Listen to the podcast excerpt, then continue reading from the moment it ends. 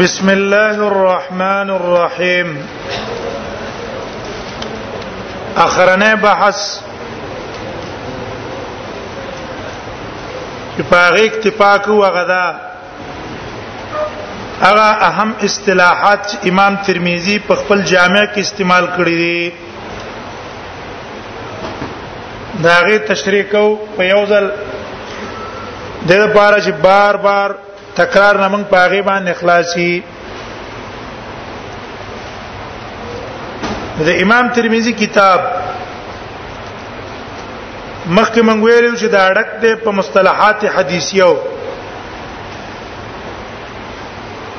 او مصنف رحم الله کله دا اصطلاح حدیثی ځان له مفرد استعمال کړي او کله مرکب استعمال کړي کله اصطلاح حدیثی مفرد استعمال کی کله مرکب استعمال کی لکه مثلا مصنف په کتاب کې وایي هاذا حدیث غریب هاذا حدیث غریب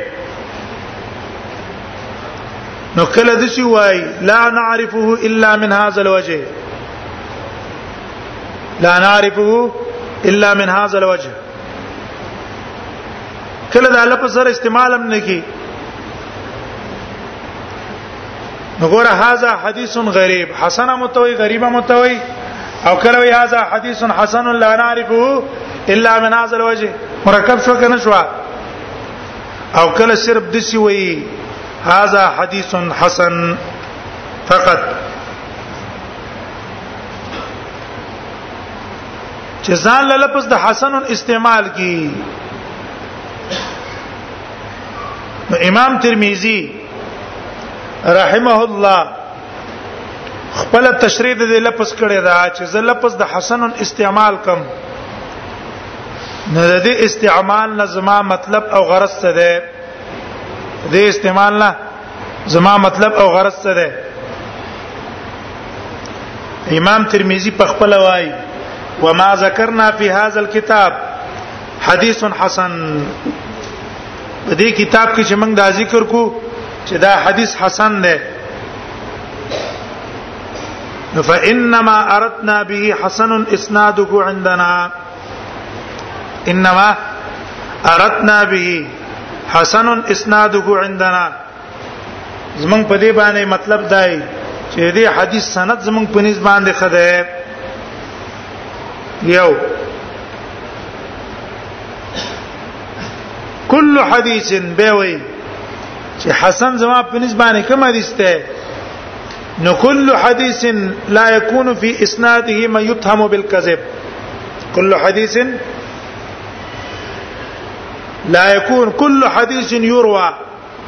لا يكون في اسناده من يتهم بالكذب هر هغه حدیث چې د هغه نقل شوی په داسې سند باندې چې پای کې راوی متهم بالکذب نه متهم بالکذب او ولا يكون الحديث شاذا او حدیث شاذ هم نه او ويروى من غير وجه نحو ذاك او بل حدیث په نورو طریقو په دې طریقې راغلی راوی به څنګه متهم بالکذب شاذ بنئ او دا حدیث په نورم په دقه شان طریقو باندې راغلی دا بس موږ په نسبت باندې حسنی وسراشه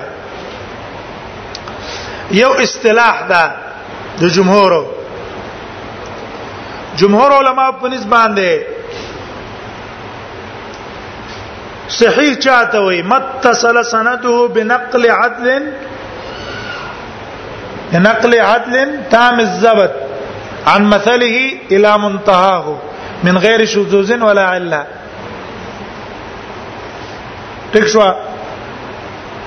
او که چرتا راوی تا مزبت نو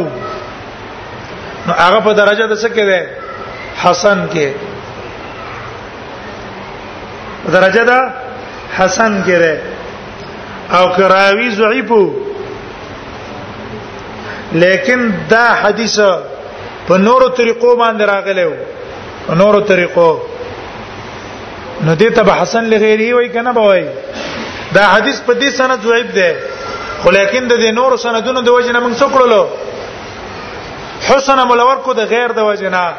هر حدیث ضعیفه چې په مختلفو سندونو باندې نقل شي هغه ته جمهور سوی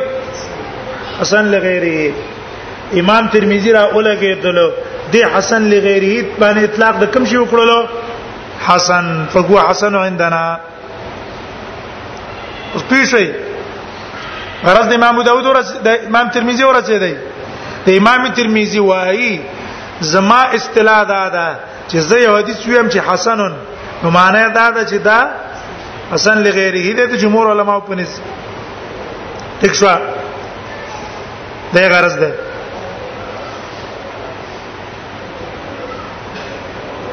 نو دا خبره ده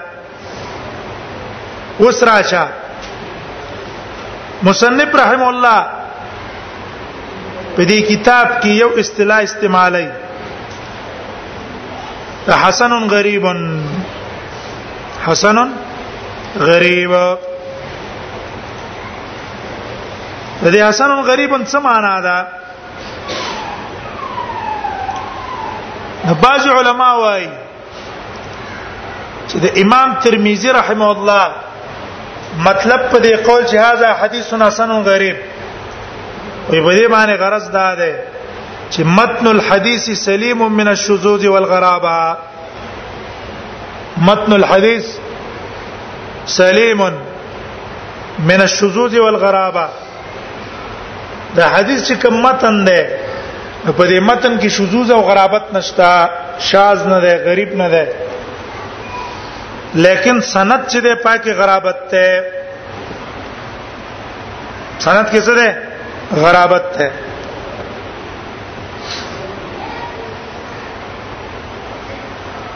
وې مقصد دې دا شو چې هاذا حدیث حسن حسن دې په اعتبار د متن متن کې شذوذ او غرابت نشتا خو غریب دې په اعتبار د سند سره سند غریب دې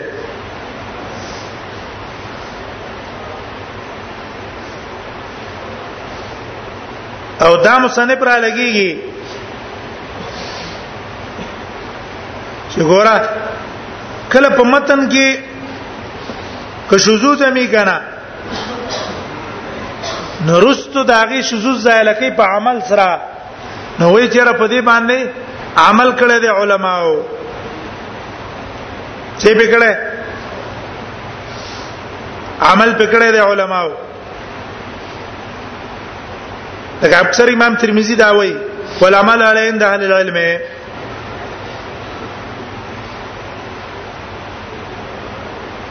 نو حاصل دا شو چې حسن معنا څه شو حسن دې په اعتبار د متن شذوذ علت پکې نشتا او کوم شذوذ پکې راغلی دی نو هغه په عمل او تعامل د صحابه باندې څه شوی دی ظاهر شوی ولی که چرته تعامل د متن صحیح نه صحابه په عمل نه کوله او دې صحابه چې په عمل کو نه متن نه صحیح دی اگر که سند یې څه دی سند یې غریب دی دا یو شو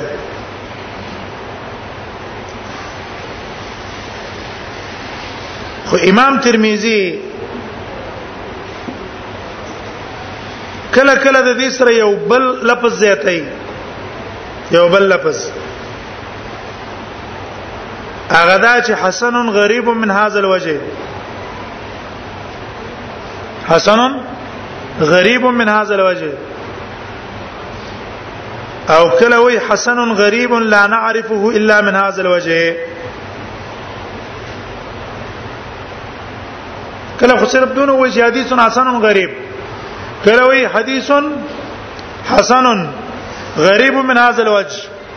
یا کله وی حسن غریب لا نعرف الا من هذا الوجه دا علما وای د دوانو قولونو کې د امام ترمذی فرق دی فرق وي فرق دا ده حسن غریب من هذا الوجه وي بده کې غرض د امام ترمذی هغه غرابت نسبیه ده غرابت نسبیه غرابت نسبیه تاسو په جنای هغه دا چې دا حدیث د یو صحابي نه نقلې په یو طریقه لیکن معنا د دې حدیث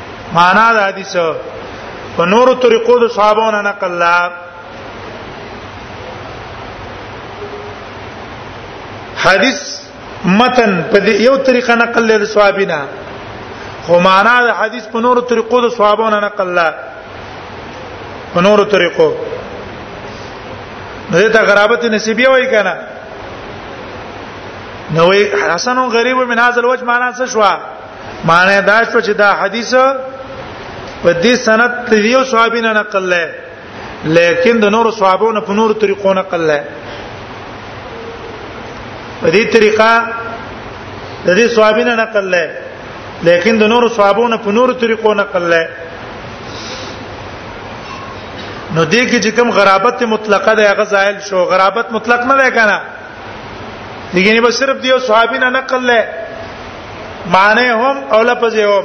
او د بل چانه نه دی نقل ودا ذات مرادي حاصل دا شو چې غریب الاسناد للمتن غریب الاسناد للمتن دا مطلب شو حسن غریب من هذا الوجه معنا دا ده چې د سند په اعتبار باندې غریب دی او په اعتبار د متن غریب نه دی متن یې څه دی نور صحابو نم نقل له او دا قول چې حسن غریب لا نعرف الا من هذا الوجه حسن غریب لا نعرف الا من هذا الوجه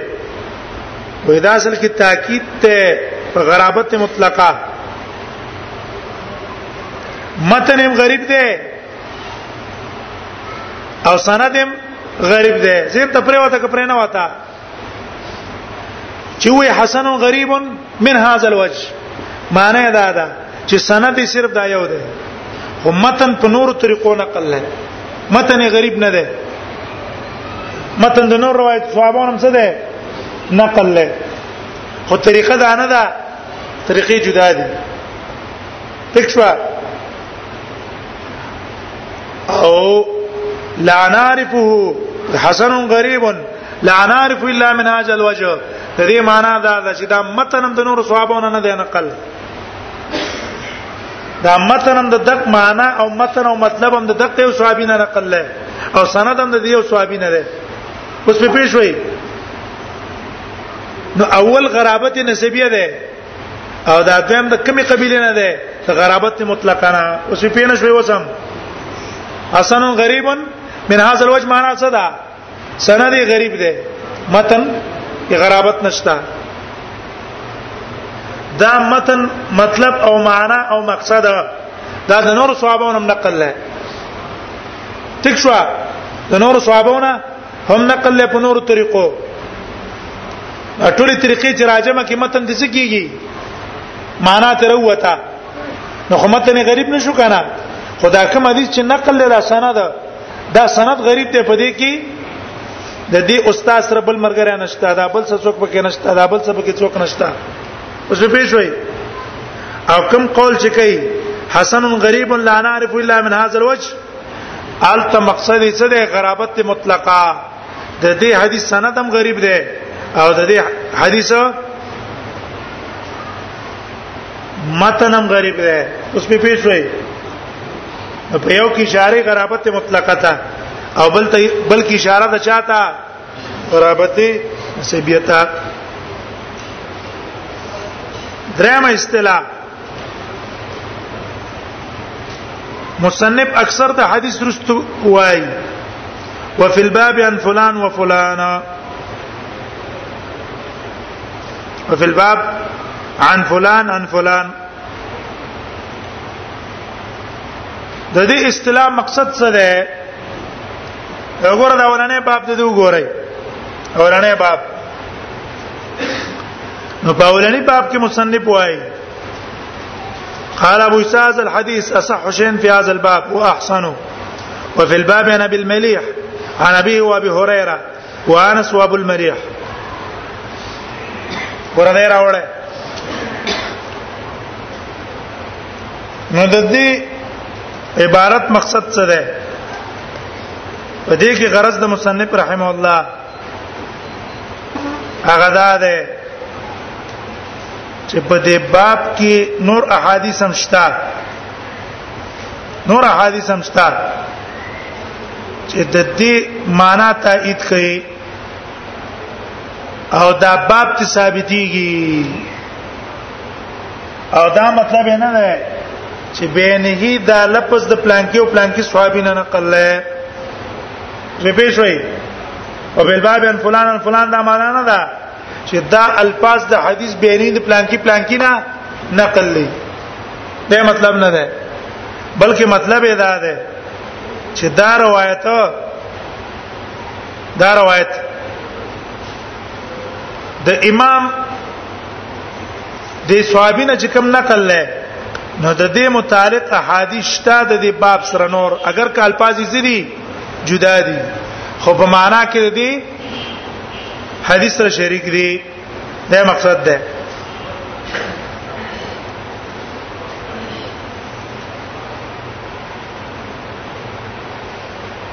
درم سلورم اصطلاح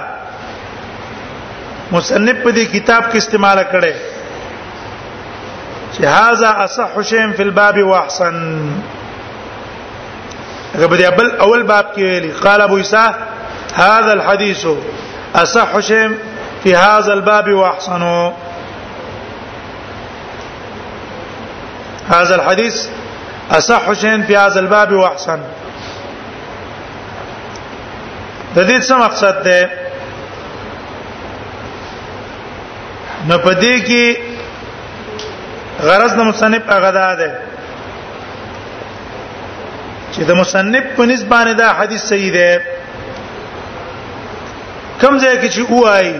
هاذ الحديث اصح شيء في الباب واحسن معنی دا ده چې دا حدیث د په نسبانه څه دی صحیح دی او کم ځای کې چې د سی وایي احسن شيء في هاذ الباب حديث فلان احسن شيء في هذا الباب حديث فلان یاد سی وی اصح حسین فی هذا الباب حدیث فلان نو د دې رستنو جملو مقصد د امام ترمذی هغه دا ده چې دې مختلف روایتونو کې چې په دې باب کې کوم روایتونه راغلي دي نو دې ترجیح ورکړي د روایت لره چې کوم روایت سره دا وایي چې حدیث فلان اصح او احسن دا احسن شيء في هذا الباب حديث فلان یا اصح شيء في الباب حديث فلان دی هغه له صرف ترجیح ور کوي چې هغه حسن دی دا حسن دی خدا په کې داغي په نسبت باندې څه دی ډیر راجح دی وای شو کې پینې شوې پینې شوې اصح حسین واحسن معنا دا ده چې دا حدیث صحیح دی د دې په مقابل کې ضعیف دی اوس په پیښ وي دا حدیث په دې باب کې صحیح دی دا نور ضعیف دی صحیح شو د دې په مقابل کې ضعیف دی او کوم ځای کې چې وای احسن شیء فی الباب احسن شیء فی الباب حدیث فلان یا اصح حسین فی هذا الباب حدیث فلان نو الته معنی دا ده چې په دې باب کې احادیث ډیر راغلي دي ډیر ډیر خدا ټول روایتونه صحیح دي یا حسن دي خو په دې ټولو روایتونو کې حسن او احسن پکې ده ډیر حسن او ډیر صحیح پکې کم یو ده حدیث فلان ده نه نور نه نفي د صحت او د احسنیت نه کوي دا نه وی چې هغه ضعیف دي هغه هم صحیح دي هغه هم حسن دي او دا هغه په نسبت باندې دا حدیث ډیر حسن ده او ډیر صحیح ده دا کوي او دا د کتاب کې معلومه ده ولی وجدارا د چې کوم ځای کې استعمالي احسن او اصح دا په هغه ځای کې چې امام بخاری او مسلم هغه راوړي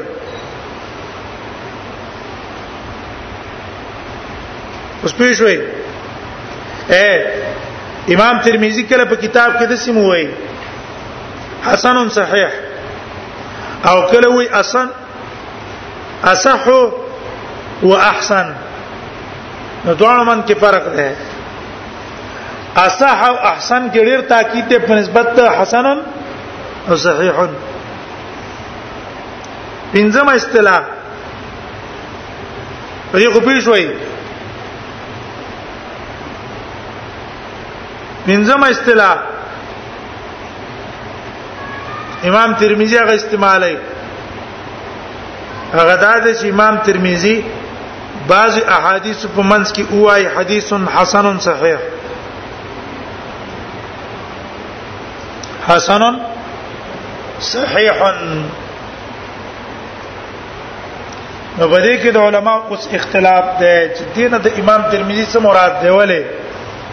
صحیح خو په درجه کې اوچتي حسن دا غنه په درجه کې ښکته او په خپل امام ترمذی وایي چې حسن زما په نسبت باندې کم یو دی حسن لغیره هغه زما په نسبت باندې حسن دی نو یو حدیث ته حسن او صحیح څنګه وایي چې حسن هم دی او صحیح هم دی دا ځوان خو په یو حدیث کې راجمه کېدای نشي شپې شوي ځکه صحیح چته مرتبه ده حسن دا غیر خطه مرتبه ده دواړه مرتبه په یو حدیث کې راجم کېدل هم ګران دي څنګه امام ترمذی را لګېدل او په یو حدیث باندې اطلاق د حسن صحیح کړه دیو جن علماء را لګېدل امام ترمذی د اصطلاح مختلف توجیهات کړي یو قول لاره چې وایي غرض د امام ترمذی هغه ده چې اشاره کوي دی ته چې دا حدیث په دوه سندونو راغلی وي په دې کې غرض د امام ترمذی اشاره ده خبره ته چې دا حدیث په دوه سندونو راغلی په یو سند باندې صحیح ده او په بل سند باندې حسن ده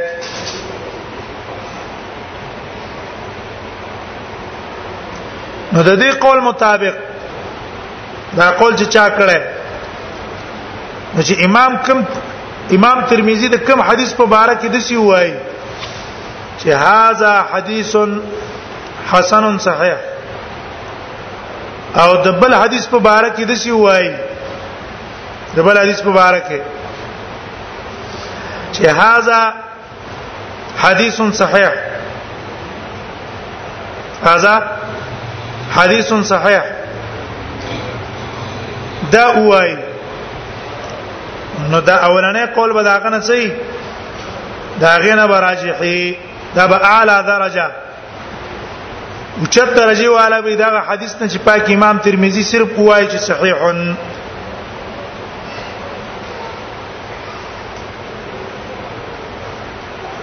ولی د صحیح صرف یو سند ده او د صحیح او حسن دو سند دي یو سند باندې صحیح ده په بل باندې حسن ده لیکن په دې قول باندې اعتراض راغلی دی علما په اعتراض کړی دی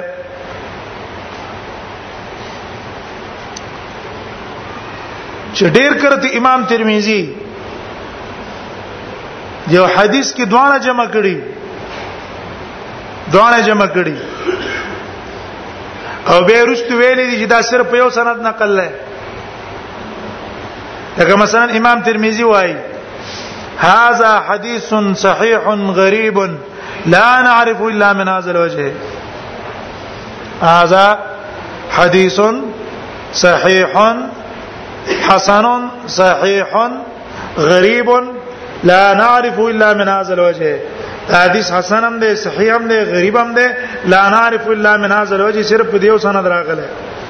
بل سند یې مونږ ته معلوم نه ده نو دلته خو امام ترمذی په خپل ویلې چې د دې سند یو ده او بهم په حکم کړی دی د حسن او د صحیح نو التا دا خبره چلیږي نه التا څنګه کیږي دا نه چلیږي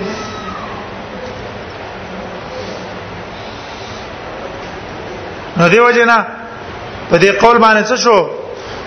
په دې قول باندې دا اعتراض راغی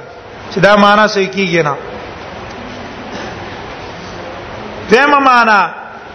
به دا علماء را لګي تعویلونه پکې کړی چې کړی دی قول والا تعویلونه کړی چې نه دا, دا مطلب دی دا مطلب دی خو نه د اشکال نه دا جواب څه نه دی خالی نه دی دویم جواب دویم قول هغه دا ده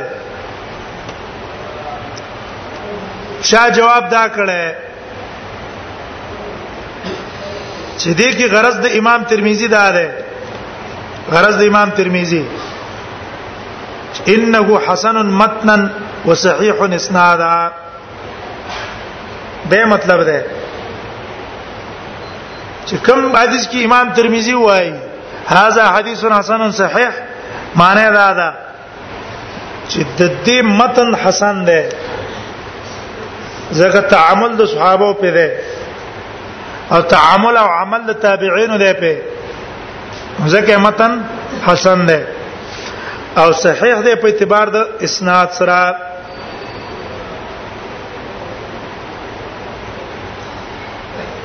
دې جواب چا دا کړه په دې باندې اعتراض دا دی چې ګوره حسن د متن له اعتبار نه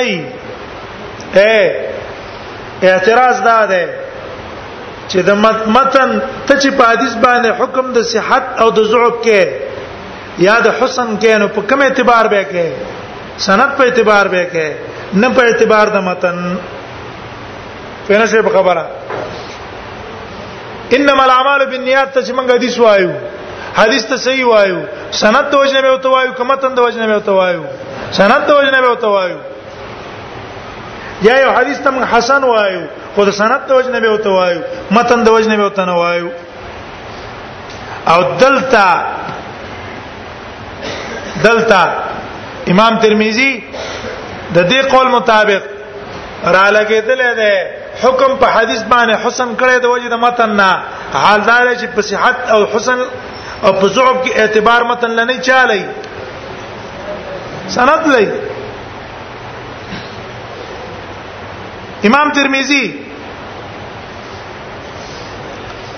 را لګیدل دی وعد داري په حدودو کې احادیث راوړي او په هغه باندې حکم د حسن او د صحت کړی دی ټیک شو او حال لاره چې کې حسن د متن خو نشته کنه پاره کې څه نشته حسن د متن نشته تعامل په نشته کوی نشي په خبره تعامل په نشته او بیا متصوی ویل دی حسن او سید تدمانه ویل دی او معلوم شو دا چې دا استلام صحیح نه ده چې ګینه حسن دی په اعتبار د متن او صحیح دی په اعتبار د سند دریم جواب چا ادا کړي دریم جواب هغه لفظ د حسن نه غرض د امام ترمذی څه ده العمل بالحديث او لفظ د صحت نه غرض د امام ترمذی د الصحه بمعناها الاصطلاحي اسه غرض یې څه ده هغه معنا اصطلاحي ده تکشوا څه مطلب معنا دا ده چې حدیث حسن معنی دا شو چې دې حدیث باندې صحابه او تابعین عمل کړي په اعتبار د عمل باندې حسن دی خلکو په عمل کړي او په اعتبار د سند باندې صحیح دی پېښه کې پېنه شوي حسن دی په اعتبار د عمل او په اعتبار د سند باندې صحیح ده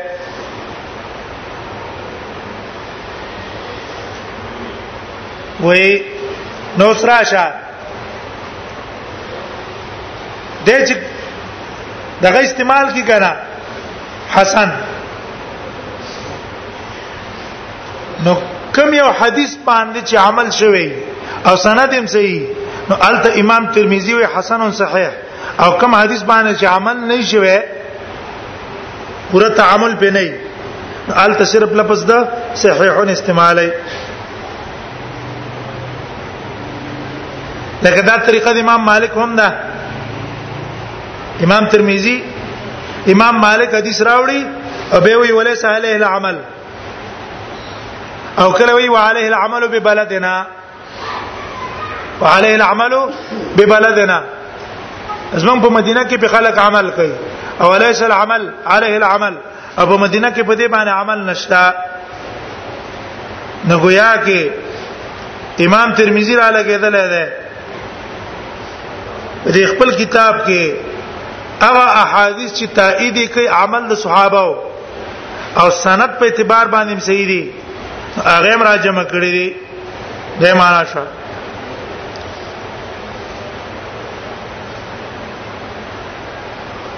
درې موجه چا دا ویل دا لکه دا غي مثال وای د څه ده وضاحت د پاره حدیث د علی ده امام ترمذی راوړی من السنه ان يخرج الى العيد ماشيا وان ياكل شيئا قبل ان يخرج وي سنت طریقه دا ده چې سړی اختر مانځل شي پیدل لاړ شي ورکوټي او د خوراک وت مانځنه مخکې خوراک وکي هغه بارک وی حدیث حسن والعمل على هذا الحديث عند اكثر العلم يستحبون يخرج الرجل العبد ماشيا نو دې حدیث ته حسن ویلو سند یې صحیح نه ده او تعامل د وجنه ته څه ویلو حسن ته ویلو کنه اوس په پیښ وای معنی دا چې صحیح دی په اعتبار د متن او حسن دی په اعتبار د تعامل څلورم قول چا دا کړه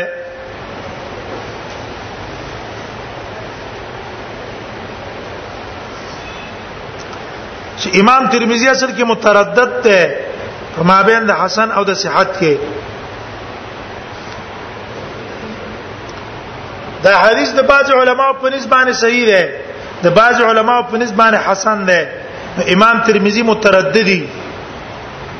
تردد ته وجه نه دسی وای چې هاذا حدیث صحیح او حسن نو گویا کې دلته عادت تردد محذوب دي هاذا حدیث حسن او صحیح هذا حديث حسن او صحيح دا کوم جواب جوړیږي لیکن په دې باندې اعتراض ده اعتراض دو وجنه یو اعتراض پیدا ده امام ترمذی اکثر احادیث باندې حکم کوي د حسن او صحیح او ډېر کم احادیث چې کم احادیث دي چې پاغه باندې اطلاق کوي یا صرف د صحیح یا صرف د حسن دا خو کې دې نشي چې ټول کتاب امام ترمذی لیکل دی او په هر حدیث کې دی متردد دی چې دا حسن دی که صحیح دی اکثر کتاب کې د څه ویلي حسن او صحیح حسن صحیح حسن صحیح حسن صحیح بعضی جنو کې څه ویل دي په بعضی جنو کې دا ویل دي چې از حدیث حسن یا از حدیث صحیح نو ولې په دې ټول کتاب کې امام ترمذی متردد ده دا خو عقلا دا خبره سره مری نه چې متردد وکړي سره کتاب ټول ځکه په شک او شک او شک دیو جنا دا خبره کمزورې ده عقل نه مې نه دوی موجه دا ده امام ترمذی دا حکم د حدیث حسن صحیح په هغه احادیث باندې کړه چې هغه په اعلی مرتبه د صحت کې دي تر دې چې بخاری او مسلم هم راوړي تر دې چې امام بخاری او مسلم هم هغه حدیث راوړي او په اعلی درجه د صحت کې ده دا چرته کې دی شي چې امام ترمذی د پدسی اوچت درجه د حدیث کې متردد چې دا بحثنی او که صحیح وي سپیشل کې پیدا شوې دا قول اگر که نخبه کې حافظ ابن حجر نقل کړه دا راي لیکن په دې رائے باندې دوه اعتراض شو کنه اکثر ځکه امام ترمذی دا کار کړي تاکید لري چې فرض کې د امام ترمذی متردد او شکی تردد او شکی دي او دویم امام ترمذی دا حکم اکثر په اما حدیث باندې کړي چې هغه ډېر په اوچته مرتبه کې دي څه دی اوچته مرتبه کړي ترغه چې بخاری او مسلم راوړل چې بخاری او مسلم حدیث راوړل او چته مرتبه د صحت کی دا عقل تقاضا عقل دا منی نه چې امام ترمذی د څه د شنو منځ کې څوک کی تردد کی په صحت او په حسن کې پنځم قول چا دا کړه غرض د امام ترمذی په دې کې تاکید ته تاکید دا د باب دا تاکید نه ده په دې کې غرض دی د امام ترمذی چیرې دا حدیث کرا نقل له نو صحیح هم ده او حسن د تاکید د پار راوړي الفاظ تاکیدی دي دا هغه اصطلاحات امام ترمذی چې کتاب کې اغلبي استعمال یې مسبه کو دي